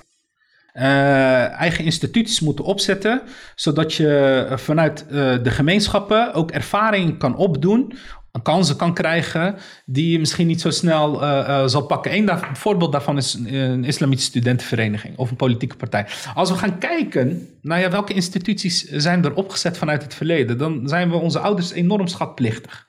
Die hebben, alhamdulillah, met, met hun beperkte uh, mogelijkheden, in vergelijking met ons zeker, behoorlijk wat gedaan. ze hebben moskeeën opgezet, primair, verschillende stichtingen en verenigingen opgezet. Uh, islamitisch onderwijs bijvoorbeeld bestaat. En zo heb je nog een aantal voorbeelden daarvan. Maar er zijn nog heel veel instituties die niet bestaan. Eén daarvan, dat was bijvoorbeeld nog voor niet daar, daarvoor was bijvoorbeeld een politieke partij. Ik geloof ook bijvoorbeeld in een hele sterke mediaorgaan. Het zou mooi zijn als zoiets zou worden opgezet. Het is mooi als ik af en toe een artikel of een opiniestuk in de krant krijg. Ja. Het is prachtig als je gewoon jonge, getalenteerde uh, uh, redacties hebt die een andere perceptie op het leven. Het is een, andere, een eigen krant. Het gaat niet om een artikel, het gaat om een krant. En hoe vul ik die? Of een eigen YouTube-programma of een, of een eigen televisiezender. Het maakt me even niet uit. Maar ik geloof wel dat dat van meerwaarde kan zijn. En ik geloof ook dat stel je voor, je hebt uh, al die instituties waar je ook uh, jonge mensen ervaringen op kan doen, als bijvoorbeeld directeur zijn van een school. Of, of dat hoeft niet per se binnen die zuilen, maar die kansen ontstaan wel. Wat de emancipatie van met name de katholieken uh, in dit land ons hebben geleerd, is dat je, hè, ik bedoel, we hebben nog steeds zo'n uh, zo'n bestel. Je hebt nog steeds de CARO, je hebt nog steeds NCRV, de EO. hè, en al die, al die, al die, de EO en al die ehm, ehm, zenders. Nou, dat komt echt vanuit die tijd. Hetzelfde geldt voor het onderwijs. Je hebt katholiek onderwijs, protestants, noem maar op, en openbaar onderwijs. Dus de infrastructuur ligt er. En dat is vrij uniek in hmm. Nederland ligt die infrastructuur er om eigenlijk um, emancipatorisch te bouwen aan instituten, structuren, waardoor je je eigen positie bestendigt, verstevigt. Een criticus zou dan bijvoorbeeld zeggen, als, of, als ik niet in de reden val, um, dat, dat, je, dat dit juist segregatie is. Dat zouden ze dan zeggen. Dat heb ik pas nog op tv gezien. Hoe meer mensen in Nederland wonen, hoe meer segregatie, zei uh, Jan uh, uh, Latte volgens mij van, van het CBS. Die zijn meer Nederlanders, betekent meer segregatie. En vooral als ze van een cultuur komen die niet dezelfde waarde is of die van ons. Dus hij bedoelt eigenlijk islam. Dat bedoelt hij eigenlijk. Weet je, weet je wat ik dan denk als ik dat hoor? Het, het vertrekt vanuit een denkbeeld dat... Superieur, dat, dat de Nederlandse cultuur superieur Ja, en vanuit een denkbeeld dat die mensen die vervolgens in hun eigen zuil aan de slag gaan, dat zij inherent slechte ideeën hebben en het niet zelfstandig kunnen. Dus zij moeten uh, binnen onze context opereren, want als ze dat niet doen, dan zorgt die segregatie ervoor, of die verzuiling ervoor, dat ze uh, negatieve dingen voortbrengen. Um, en het voorbeeld wat ik hier altijd aanhaal is, uh, afgelopen zomer was ik op een studiereis in UCLA, op UCLA. Los Angeles, prominente universiteit. En daar hebben ze een programma opgezet voor studenten, eerste generatie studenten, met een Latino of een African American achtergrond, die zes weken voordat het semester begint, um, binnen deze groep les krijgen. Ze verblijven op dezelfde, op dezelfde dormrooms, et cetera. En, en dit programma bestaat al 35 jaar. En dit mhm. programma heeft in de praktijk laten zien dat het werkt. Mm -hmm. en hetzelfde idee van segregatie zou je hier ook over kunnen zeggen. Van nee, dit is geen goed programma. Waarom deze Latino's en African Americans gaan segregeren doordat ze in hun eigen bubbel gaan of functioneren. politieke partijen. Er zijn al genoeg politieke partijen. Waarom zou je je eigen maken? Je zet jezelf bij het spel. Dat zouden ze zeggen. maar wat de, praktijk, uh... wat de praktijk juist laat zien is dat, dat, dat het programma vanuit dat emancipatiebeeld inderdaad laat zien dat de uitval veel lager is op de universiteit onder deze groep. Waarom? Ze hebben een sociaal netwerk over waar ze op terug kunnen vallen. Het, het, heeft een hele belangrijke functie en dit soort meningen uh, uh, die, laten we zeggen, um, uh, zaak problematiseren omdat je je zogenaamd organiseert ja. langs mm. welke... als je zegt van joh, is, is de Partij van de Arbeid gesegregeerd van de VVD? Is, is de VVD gesegregeerd van het CDA? Er zijn gewoon verschillende belangen belevingen in een samenleving. En ons politiek bestel is per definitie geëikt op belangenbehartigen. Uh, dus we hebben een heel pluriform, oh, even om het naar het politiek te brengen, heel pluriform uh, politiek landschap. Waarin verschillende partijen die vroeger hebben bestaan, niet meer bestaan. Soms zie je ook afsplitsingen, maar je ziet ook fusies. Het CDA bestaat uit meerdere partijen. GroenLinks, de partij waar ik uit voortkom. Verschillende partijen, PSP, EVP, noem maar op. Um, ja, dat zijn partijen die dan op een gegeven moment weer hun weg vinden. Maar ik geef aan dat ik, en dat, die, dat inzicht heb ik ook opgedaan in de United States. Hm. Uh, waar ik een mooie um, ervaring heb opgedaan, bijvoorbeeld bij de moslimgemeenschap daar. Om te kijken van ja, hoe, hoe, hoe organiseren zij zich en hoe functioneert dat? Dat is zo op niveau en zo veel verder dan wij nu hier zijn. een mooie organisatie als CARE, die zich enorm... En wat je ziet is dat de civil rights movements daar... en de ervaring die ze hebben opgedaan door de jaren heen... decennia heen, jaren 50, 60 en veel later... dat zij ook die kennis, die empirische kennis... ook doorgeven aan andere minderheden daar... zoals de Latin uh, American uh, gemeenschap... maar ook de Arabisch-Amerikaanse gemeenschap, noem maar op om te leren om op eigen bezig. Ik zeg, het is een ontvoogdingsproces. Ik denk dat heel veel mensen dit een eng idee vinden, omdat je inderdaad niet meer. Uh, je verhoudt je niet in een afhankelijkheidspositie. Niet meer die hiërarchie. Je hebt geen afhankelijkheidspositie. Uh, en dat, ja, uh, dat, segregatie is, is, is niet het doel. Dit gaat om ontwikkelen. En ik zeg, dit is een fase die je niet kan overslaan. Op het moment dat je op gelijke hoogte bent, dan zal je zien dat die instituties ook niet meer nodig zijn of niet meer op die manier ingevuld worden. Dat is de les die we hier op eigen bodem kunnen leren van onze eigen vaderlandse geschiedenis. Gewoon de positie van de katholieken. Kijk, verdiep je daarin. Kijk wat die positie was in het verleden. Hoe daar weer, daarmee werd omgegaan in het verleden. Dezelfde beschuldiging. Ja, ze zijn niet loyaal aan Nederland, maar loyaal aan de, aan de paus in Rome. Het zijn bijna dezelfde mechanismen die gebeuren hier. En als je dan kijkt van uh, wat het toch ook die uh, mooie Nederlandse katholieke gemeenschap heeft gebracht met de jaren, doordat ze hun eigen scholen, winkels en noem maar op, een periode lang uh, nodig hadden hebben opgezet. Hetzelfde geldt trouwens ook voor die andere zuilen. Uh, leven we nu wel in een tijd waar het gaat om deze groepen, waar eigenlijk die zuilen totaal niet meer op die manier worden ingevuld, dan wel nog uh, nodig zijn. En we praten niet eens over heel lang geleden. Nee. Ik ken nog verhalen van Rotterdammers die nog leven, die vertellen over hoe ingewikkeld dat was in hun tijd. Hè? waar twee geloven slapen op één kussen, nee, liggen op één kussen, slaapt de duivel, duivel tussen. tussen. Weet je, dat het dusdanig geschreven, daar heb ik het niet over. Ik heb het, hoe kunnen wij volwassen worden? Vanuit toch wel een achtergestelde positie. Uh, waarin we meer dan 50 jaar hier aanwezig zijn op dit continent, in dit land. Weet je, het is, we hebben het nog steeds over migranten. We zijn hier al 50 jaar. Dat is een halve eeuw. Ja. Weet je, wanneer komt die volwassenheid? Ik geloof dat die volwassenheid ook alleen maar kan komen met een bepaalde ontwikkeling. Daar zijn bepaalde instituties voor nodig. Stel je voor, Brahim of Sidi. Uh, uh, goed, jij, jij wordt voorzitter van een prachtige organisatie. Ik noem maar, ik noem maar um, een, een, een, nou, een, politieke partij. Jij wordt media, media. weet ik veel. Van, of voorzitter van een islamitische basisschool. ik of iemand anders zit dan weer eh, die in Den Haag, die in Rotterdam. En iemand anders zit dan, uh, die doet dan weer uh, een moskee. Ja. En er ontstaat iets maatschappelijks wat ons allemaal aangaat. Hoe fantastisch is het als deze generatie, dan heb ik het niet, ook weer niet langs die etnische lijnen. Ja. Ik heb het niet langs de etnische lijnen. Dan hebben we het over een van origine Pakistaanse organisatie met van origine Marokkaanse of Turkse organisatie of noem maar een organisatie, maar wel een nieuwe generatie die in ieder geval verrijkt is met het makkelijk contact leggen. Er gebeurt iets, hoe makkelijk is het dan dat je elkaar vindt? Ja. Dat je goed met elkaar nadenkt over, oké, wat, wat is de analyse van de situatie? Wat is nodig? Hoe kunnen we als burger, hoe kunnen we als gemeenschap onze verantwoordelijkheid pakken en bijdragen aan een oplossing, aan vooruitgang? Die eerste generatie, hoe fantastisch ze het ook hebben gedaan, want daar begon ik mee. Wat is, wat is mijn visie hierop? Ze hebben fantastische dingen opgezet. Maar als je nu nog kijkt naar bepaalde besturen en zo, dan uh, zie je daar een bepaalde stagnatie. Want die eerste generatie, op het moment dat er een plekje vrijkomt in een moskeebestuur of in een ander bestuur of noem maar op, wat je dan vaak ziet, en dat is eigenlijk gewoon hoe het werkt. Iemand zijn neef of zo. Uh... Ja, dan kijk je, ja, wie, wie, wie heeft een mooie baard, mashallah, net als ik. Als, ik dat, als je dat belangrijk vindt of een bepaalde manier. Ik noem maar even, ik chargeer, ik noem maar mm, even. Uh, die is weg, dus we nemen hetzelfde ervoor terug. Dus je krijgt eigenlijk, dus ik zeg, dat soort organisaties zijn inherent conservatief.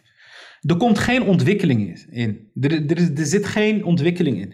Dus wat er moet gebeuren is één, dat ze ruimte maken voor hun kinderen, hun zonen en dochters.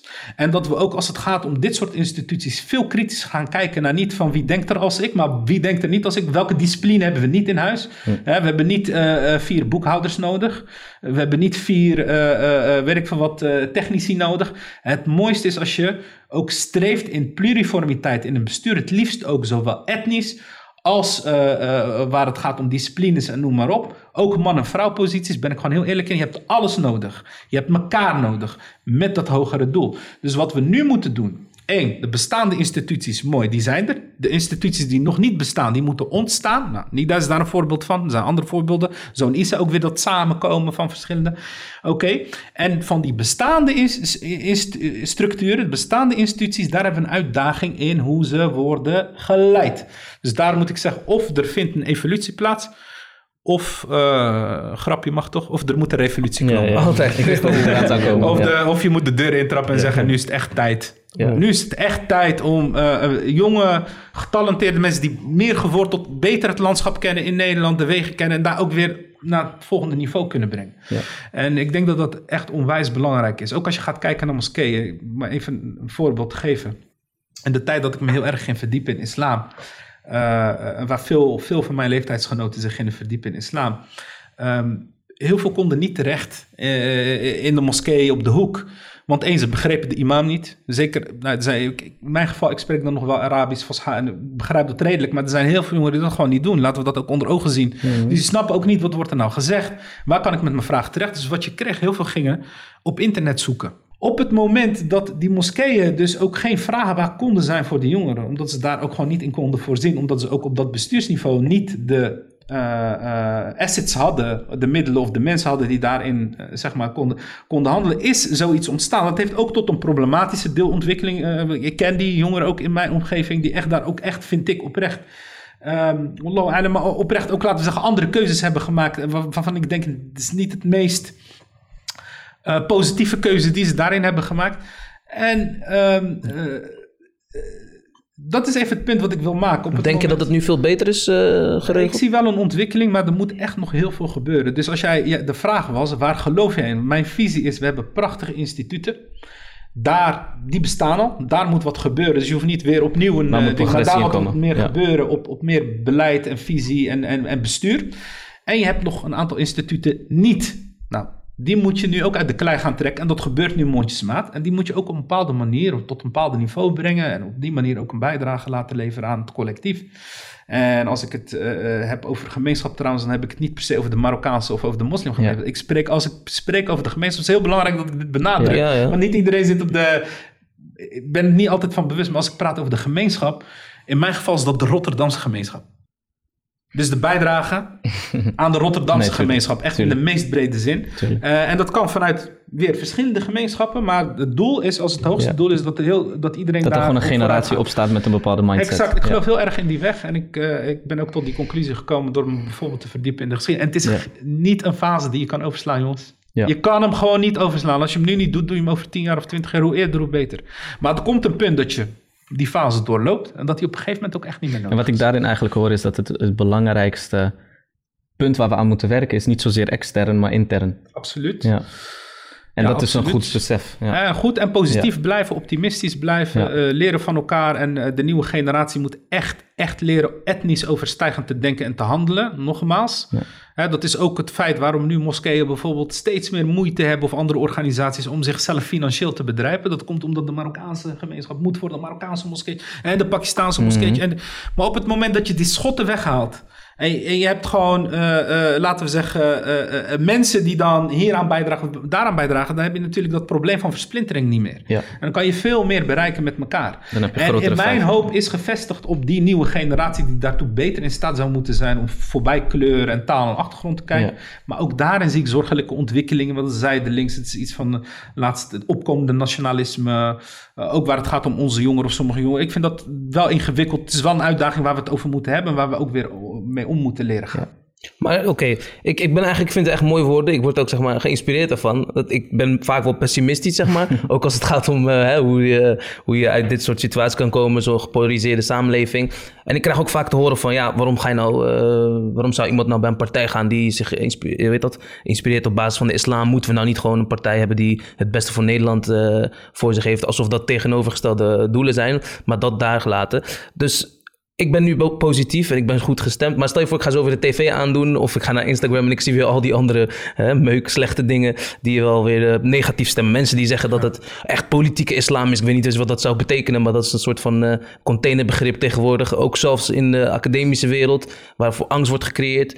Hoe, hoe, gaan, hoe gaan jongeren daarmee om? Heb jij een concrete tip voor ze? Mensen die wel echt gemotiveerd zijn, maar denken van ja, ik kom straks op Dumpert, ik kom weet ik veel waar, terwijl ik een goede intentie heb. En ja. we leven niet in een samenleving waar je een open discussie kan hebben. Wordt wel vaak gehoopt of gedaan alsof, maar zij voelen dat gewoon niet. Wat zou je tegen hen willen zeggen? Kijk, we moeten ons beseffen dat nu meer dan ooit uh, er een enorme druk is. Ik noem het even assimilatiedruk, wat funest is voor diversiteit. Er is een enorme assimilatiedruk. Een van die mechanismes is bijvoorbeeld uh, alles wat afwijkt van, laten we zeggen, wit, uh, uh, normaal, niet-moslim, of, hè, of, laten we zeggen de norm, de dominante groep. alles, wat daarvan, ja, alles wat daarvan afwijkt, wordt geproblematiseerd of verengd. Waardoor ik ook in mijn omgeving zie dat mensen steeds minder uh, durven uit te komen voor hetgene waarin ze geloven, waar ze voor staan of wie ze zijn. Dus ook in verschillende situaties dat je ziet, hè, het dominante idee van, bijvoorbeeld als we het hebben over de islam, islam is iets van vroeger. Uh, het is iets, uh, um, in het beste geval is het iets voor thuis. Ja. Ik zeg nee, het is voor over. We leven in een open, vrije samenleving. Of je nou gelooft of niet gelooft, dat is echt een individuele afweging. Maar mensen mogen dat best uitdragen. Maar als je, als je, als je ziet en die voorbeelden die ken ik, dat uh, uh, jonge jongens of jonge meiden zeggen van ja, ik heb gewoon, mijn hijab is een drempel in deze samenleving. En met pijn in mijn hart kies ik ervoor om af te doen. Weet je, als dat de reden is dat je hem afdoet, vind ik dat heel pijnlijk. Dat is wat los van je eigen afweging. Als je andere redenen hebt, daar heb ik het niet over. Maar je merkt gewoon wel die druk. Hoe ik het analyseer, ik zie de samenleving, met name als het gaat om zichtbare posities, want zo werkt die assimilatiedruk. Of het nou politiek is, want daar kom ik vandaan, of media. Er is een soort van net gespannen. En die net die heeft natuurlijk mazen. En uh, wil jij op een zichtbare positie worden gezet, want die platformen, ja, die, die hebben wij niet. We hebben geen mediaplatform of we hadden in het verleden ook geen politieke platform. Wil jij op die positie, op positie worden gezet, dan moet je in zo'n maas passen. Dan moet je in een malletje. Dan moet je de juiste meningen hebben. Je moet er op de juiste manier uitzien. Uh, uh, dat verklaart ook waarom we tot de dag van vandaag niet een nieuwslezeres hebben die een hoofddoek draagt. Of in de politiek, hè, in de Raad van Rotterdam. Er zijn al 50 jaar nog nooit iemand met hijab in de Raad van Rotterdam gezien. Want ze paste niet in dat malletje. Dus wat er nu gebeurt, bepaalde mensen passen daar wel in. Hebben een bepaalde mening die bevalt, laten we zeggen, de dominante groep. Uh, die kleden zich op een bepaalde manier, dat past allemaal. Dus die kunnen door, laten we zeggen, die oligarchie van die bestaande structuren, door die net heen en op zo'n plek komen. Ik noem even geen namen, er zijn verschillen die of in de politiek of, of in de media actief zijn, met een Marokkaanse of Turkse achtergrond. Maar de boodschap is, impliciet dan wel expliciet, word net als hij, dan ben je oké. Okay. Word net als zij, dan ben je oké. Okay. Want ja, lukt het je niet? Nee, dan is het vooral jouw schuld, want die, en die is het wel gelukt. Kijk maar, maar wordt vooral net zijn. Maar wat nou als je niet net als hem of haar eruit ziet, of net als hem of haar kleedt of denkt, ben je dan niet oké? Daarom geloof ik ook heel erg in het creëren van eigen podiums. Je eigen podium creëren, je eigen mensen naar voren schrijven, je eigen verhaal vertellen. Ben je ook oké? Je beschrijft precies wat de visie is geweest achter deze podcast. Dat is precies hetzelfde idee. Nou, dit is de kern. Dus ik geloof heel erg dat wil je breken met die dominante beeld van wat oké of niet oké is. Wil je meer diversiteit toelaten in geluid, in uiterlijk, in noem maar op.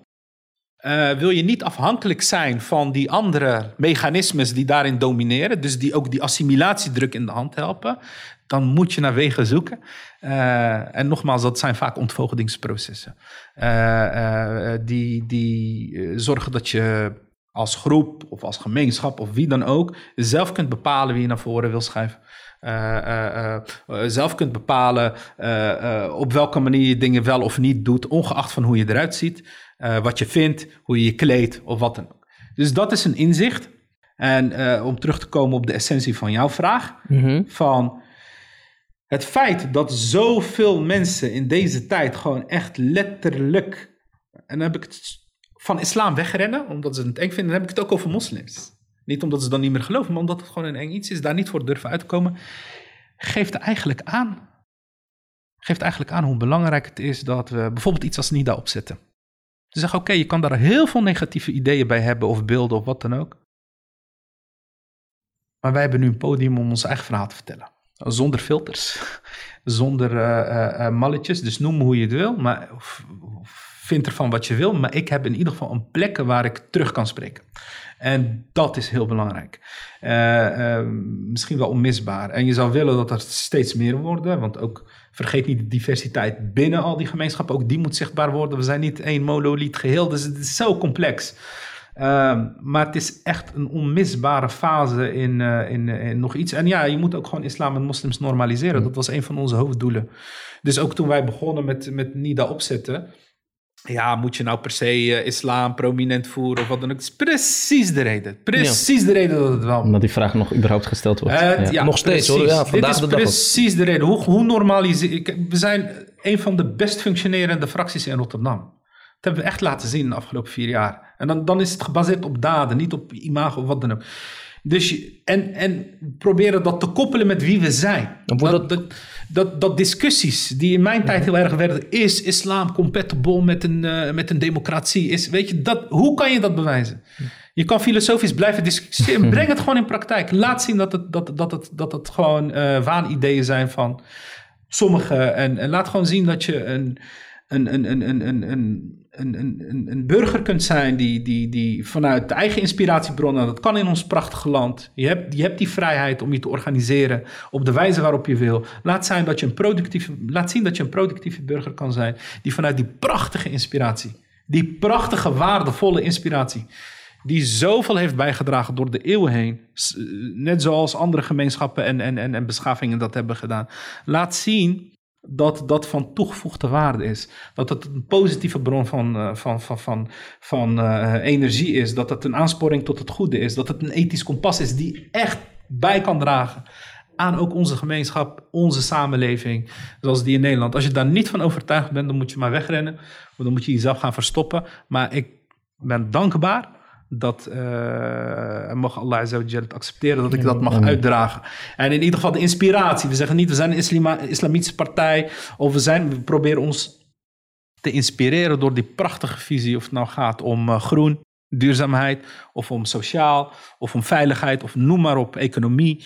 Je kan zoveel distilleren uit, uh, uit die prachtige een bron. Uh, en ik, zou zeggen, ja, lees ons programma. Dan zul je zien hoe, hoe, wij die vertaalslag maken. Ja. Wordt dat ook gewaardeerd op de achtergrond door bijvoorbeeld collega's of iets dergelijks? Ik probeer nu een beetje positieve noot te hebben. Zoveel dingen. Ja, ja, ja we worden steeds meer begrepen. Door een heel groot deel, zeker buiten Rotterdam niet. Dat zagen we ook bij de verkiezingen. Toen we die samenwerking aangingen met, met uh, drie andere partijen. Maar ik durf te zeggen, met, met de meters en de vlieguren die wij hebben gemaakt we worden steeds beter begrepen en we worden ook gerespecteerd. Omdat ze zien, we hebben geen andere agenda dan... Nee. Behalve dan wat de andere partijen eigenlijk ook hebben. We willen met z'n allen vooruit. We willen vooruit, mensen. Ja, ja. We willen niet, we willen niet ja. blijven hangen. We willen vooruit. We willen een beetje ruimte maken voor iedereen. Uh, uh, uh, op de meest positieve zin. We willen onze talenten benutten voor het goede. We willen zoveel mogelijk mensen betrekken bij hetgene wat we doen. Ik denk dat dat ook de enige weg is. En ik denk dat dat ook de bedoeling van de mensheid is. Uh, dat je elkaar niet uitsluit of klein houdt of wat dan ook, maar dat je vanuit je kracht, vanuit die complexe, het is hoe God ons heeft gewild. Hij zegt ook, ik heb mensen tot volk en stammen uh, geschapen, opdat ze elkaar leren kennen. Na, na de vorige verkiezingen, bijvoorbeeld Rotterdam, je zag wel dat, dat het dan misschien een beetje fout ging als het buiten Rotterdam gaat. Hè? Het ging over dat onderwerp, over het tweet bijvoorbeeld van Nida. Ja, en ja, ja. toen zag je dat het wel hecht was. Maar als, als het buiten Rotterdam komt en het gaat om heel Nederland... dan is de politiek opeens een heel ander spel. Dan gaat het niet meer om mensen, maar om belangen en zo. Kijk, hoe, de afdelingen, hoe zie je dat? de lokale politieke afdelingen in Rotterdam... van de verschillende partijen met wie we toen gingen samenwerken... waren allemaal 100% om dat de samenwerking uh, uh, vanuit die partij... dat dat 100% oké okay was. Landelijk waren ze daar minder blij mee. Dus GroenLinks landelijk was minder blij. Partij van de Arbeid landelijk was minder blij. SP landelijk was minder blij. Omdat ze gewoon niet zo goed begrijpen wat, wat we doen en wie we zijn. dat we een hele progressieve, sociaal links profiel, dat snappen ze, omdat islam nogmaals een problematisch imago heeft. Dus dat heeft ertoe geleid dat toen met de verkiezingen bijvoorbeeld ook voor GroenLinks, en dat heeft de, de fractievoorzitter van GroenLinks destijds letterlijk verteld, uh, of ook zo gezegd, ja, maar wij, bij ons gaat het om 600 zetels in het land. Dus als iemand in Friesland niet begrijpt wat GroenLinks in Rotterdam doet met de NIDA, dit, dit is ja, dat was een redenatie met een islamitische partij als NIDA, uh, dat dat zetels kan kosten, hè, dat was de angst, dat dat zetels kan kosten eh, elders in het land. Maar dit is precies ook een van de problemen in de politiek. Niet alleen in de politiek één. Er is een enorme zweem van wantrouwen waar het gaat om moslims. Maar er is ook heel veel wantrouwen waar het gaat om instituties, banken, uh, rechtspraak, justitie. Er is heel veel wantrouwen. Politiek. Er is heel veel wantrouwen door, ook die, door die crisissen. Dus dat is even een uitdaging die wij als samenleving als geheel hebben. En uh, tweede is, er is weinig ruimte voor ethiek. Heel veel van wat gebeurt, in onze huidige samenleving, durf, durf ik te zeggen, uh, is niet ethisch gedreven. Het is vaak winstgedreven, economisch gedreven, uh, populistisch gedreven. Om, ja, hiermee haal ik stemmen of hiermee. Hè, dus ook de angst om stemmen te verliezen. Er zijn heel weinig politici of politieke partijen die echt proberen. Ze zijn er wel, ik zeg niet dat het helemaal niet, die echt nog proberen of op andere niveaus, of het nou in de bankenwezen of andere sectoren zijn, die proberen ethisch te handelen. Dus eh, gebrek aan ethiek in onze huidige tijd, het heeft met heel veel zaken te maken, vind ik ook problematisch. Dus ook het toevoegen van ethiek en ethiek, als je het mij vraagt, is altijd het domein van religie geweest. Alle grote religies ter wereld hebben altijd gehad over ethiek. Wat is goed, wat is fout. Uh, wat is uh, uh, positief, wat is negatief. Al die discussies hebben altijd gespeeld in het domein van Dus dat is juist iets wat wij vanuit onze dat kunnen wij achtergrond bieden, dat kunnen, bieden. Wij, wij, proberen, wij proberen dat echt. Wij proberen echt ethisch gedreven politiek. Niet zozeer wat is populair of niet populair. Maar echt, waar geloven we oprecht in wat, wat goed is. Ik weet dat er heel veel jongeren zijn die echt geen vertrouwen hebben in de politiek. En dan trek ik het iets breder. Die gewoon geen zin hebben om te stemmen. Die, die, die überhaupt geen doel zien dat ze kunnen bereiken ja, door hun stem te laten horen, door iets te doen. Hè? En ik zou willen vragen, zeg maar, stel je voor iemand zit te kijken, nu een jongere, en die, die heeft deze mening over de politiek. Wat zou je tegen hem willen zeggen in het kort om hem te activeren of om hem überhaupt een beetje op een ander idee te brengen? En ik weet dat een hele moeilijke vraag ja, pessimisme is. ingewikkeld. Kijk, als iemand depressief is, dan moet je daar wat aan doen. Weet je, dan is alles zwart. We gaan vanuit deze persoon gewoon goed bij Dan is alles zwart. Dan zou ik zeggen, alsjeblieft, zoek uh, een beetje werk daar. En neem maar even alle gekkigheid op ja. een stokje. Kijk, kijk uh, ik zeg altijd, Pessimisme is voor zij die het zich kunnen veroorloven. Optimisme is voor zij die geen andere keus hebben. Geloof me, we behoren echt tot die tweede groep. We, echt op, we zijn hier niet op, eh, op aarde om, uh, om uh, uh, op een bepaalde manier op, in het leven te staan. Maar het heeft allemaal geen zin en alles is slecht en alles is... Luister, probeer altijd optimistisch te blijven, hoe moeilijk een situatie ook kan zijn. Dat is nummer één. Dat is nummer één. Ik denk ook een prachtige uh, inspiratie vanuit, vanuit bijvoorbeeld uh, islam. probeer altijd positief te blijven, hoe moeilijk de situatie ook is. Vertrouw op het goede. Vertrouw op het goede. En handel er ook naar. Dat is één. Twee, uh, probeer, en dat is best ingewikkeld, probeer ook niet wantrouwend in het leven te staan. Hoe, hoe, hoeveel ervaring je ook in het leven je vaak dwingen om wantrouwen je grondhouding te maken. Er zijn heel vaak mensen die teleurgesteld raken in hè, vertrouwen iemand of, of uh, uh, maken verschillende dingen mee en raken daar keer op keer teleurgesteld in, waardoor wantrouwen een soort van basishouding kan worden. Dat je bijna wantrouwig in het leven staat. Iedereen wil iets negatiefs van je, iedereen niks deugt, niks deugt. Verzet je daartegen. Word niet naïef, maar probeer met vertrouwen in het leven te staan en probeer, en dat kan met dat is moeilijk, want het kan teleurstellingen opleveren, want het is kwetsbaar door het leven gaan. Maar geef iemand vertrouwen totdat het tegendeel bewezen wordt. dan kan je altijd nog bijdragen, maar begin niet met wantrouwen. En uh, als je bij jezelf bespeurt dat dat toch echt de manier is waarop jij in het leven staat, dan is dat niet een manier, uh, want je hebt het over moslimjongeren om als moslim door het leven te gaan. Uh, vertrouw op Allah, vertrouw in jezelf, streef het goede na. Probeer met vertrouwen de wereld in te gaan. Het zal teleurstellingen opleveren, maar het zal ook heel veel dingen opleveren die, die je vanuit, als, je, als je grondhouding uh, zou zijn, nooit zou ervaren. Want dan kom je nooit zo ver. En ehm, een advies daarin is ook, weet je, aan jongeren, kom uit je comfortzone, want het heeft er ook mee te maken. Daar valt het meest te leren. Ga, blijf, hè, want hadden net over eigen zelf zo. Dit is geen oproep om in je eigen schulpje te blijven. Nee, ga vanuit je plek.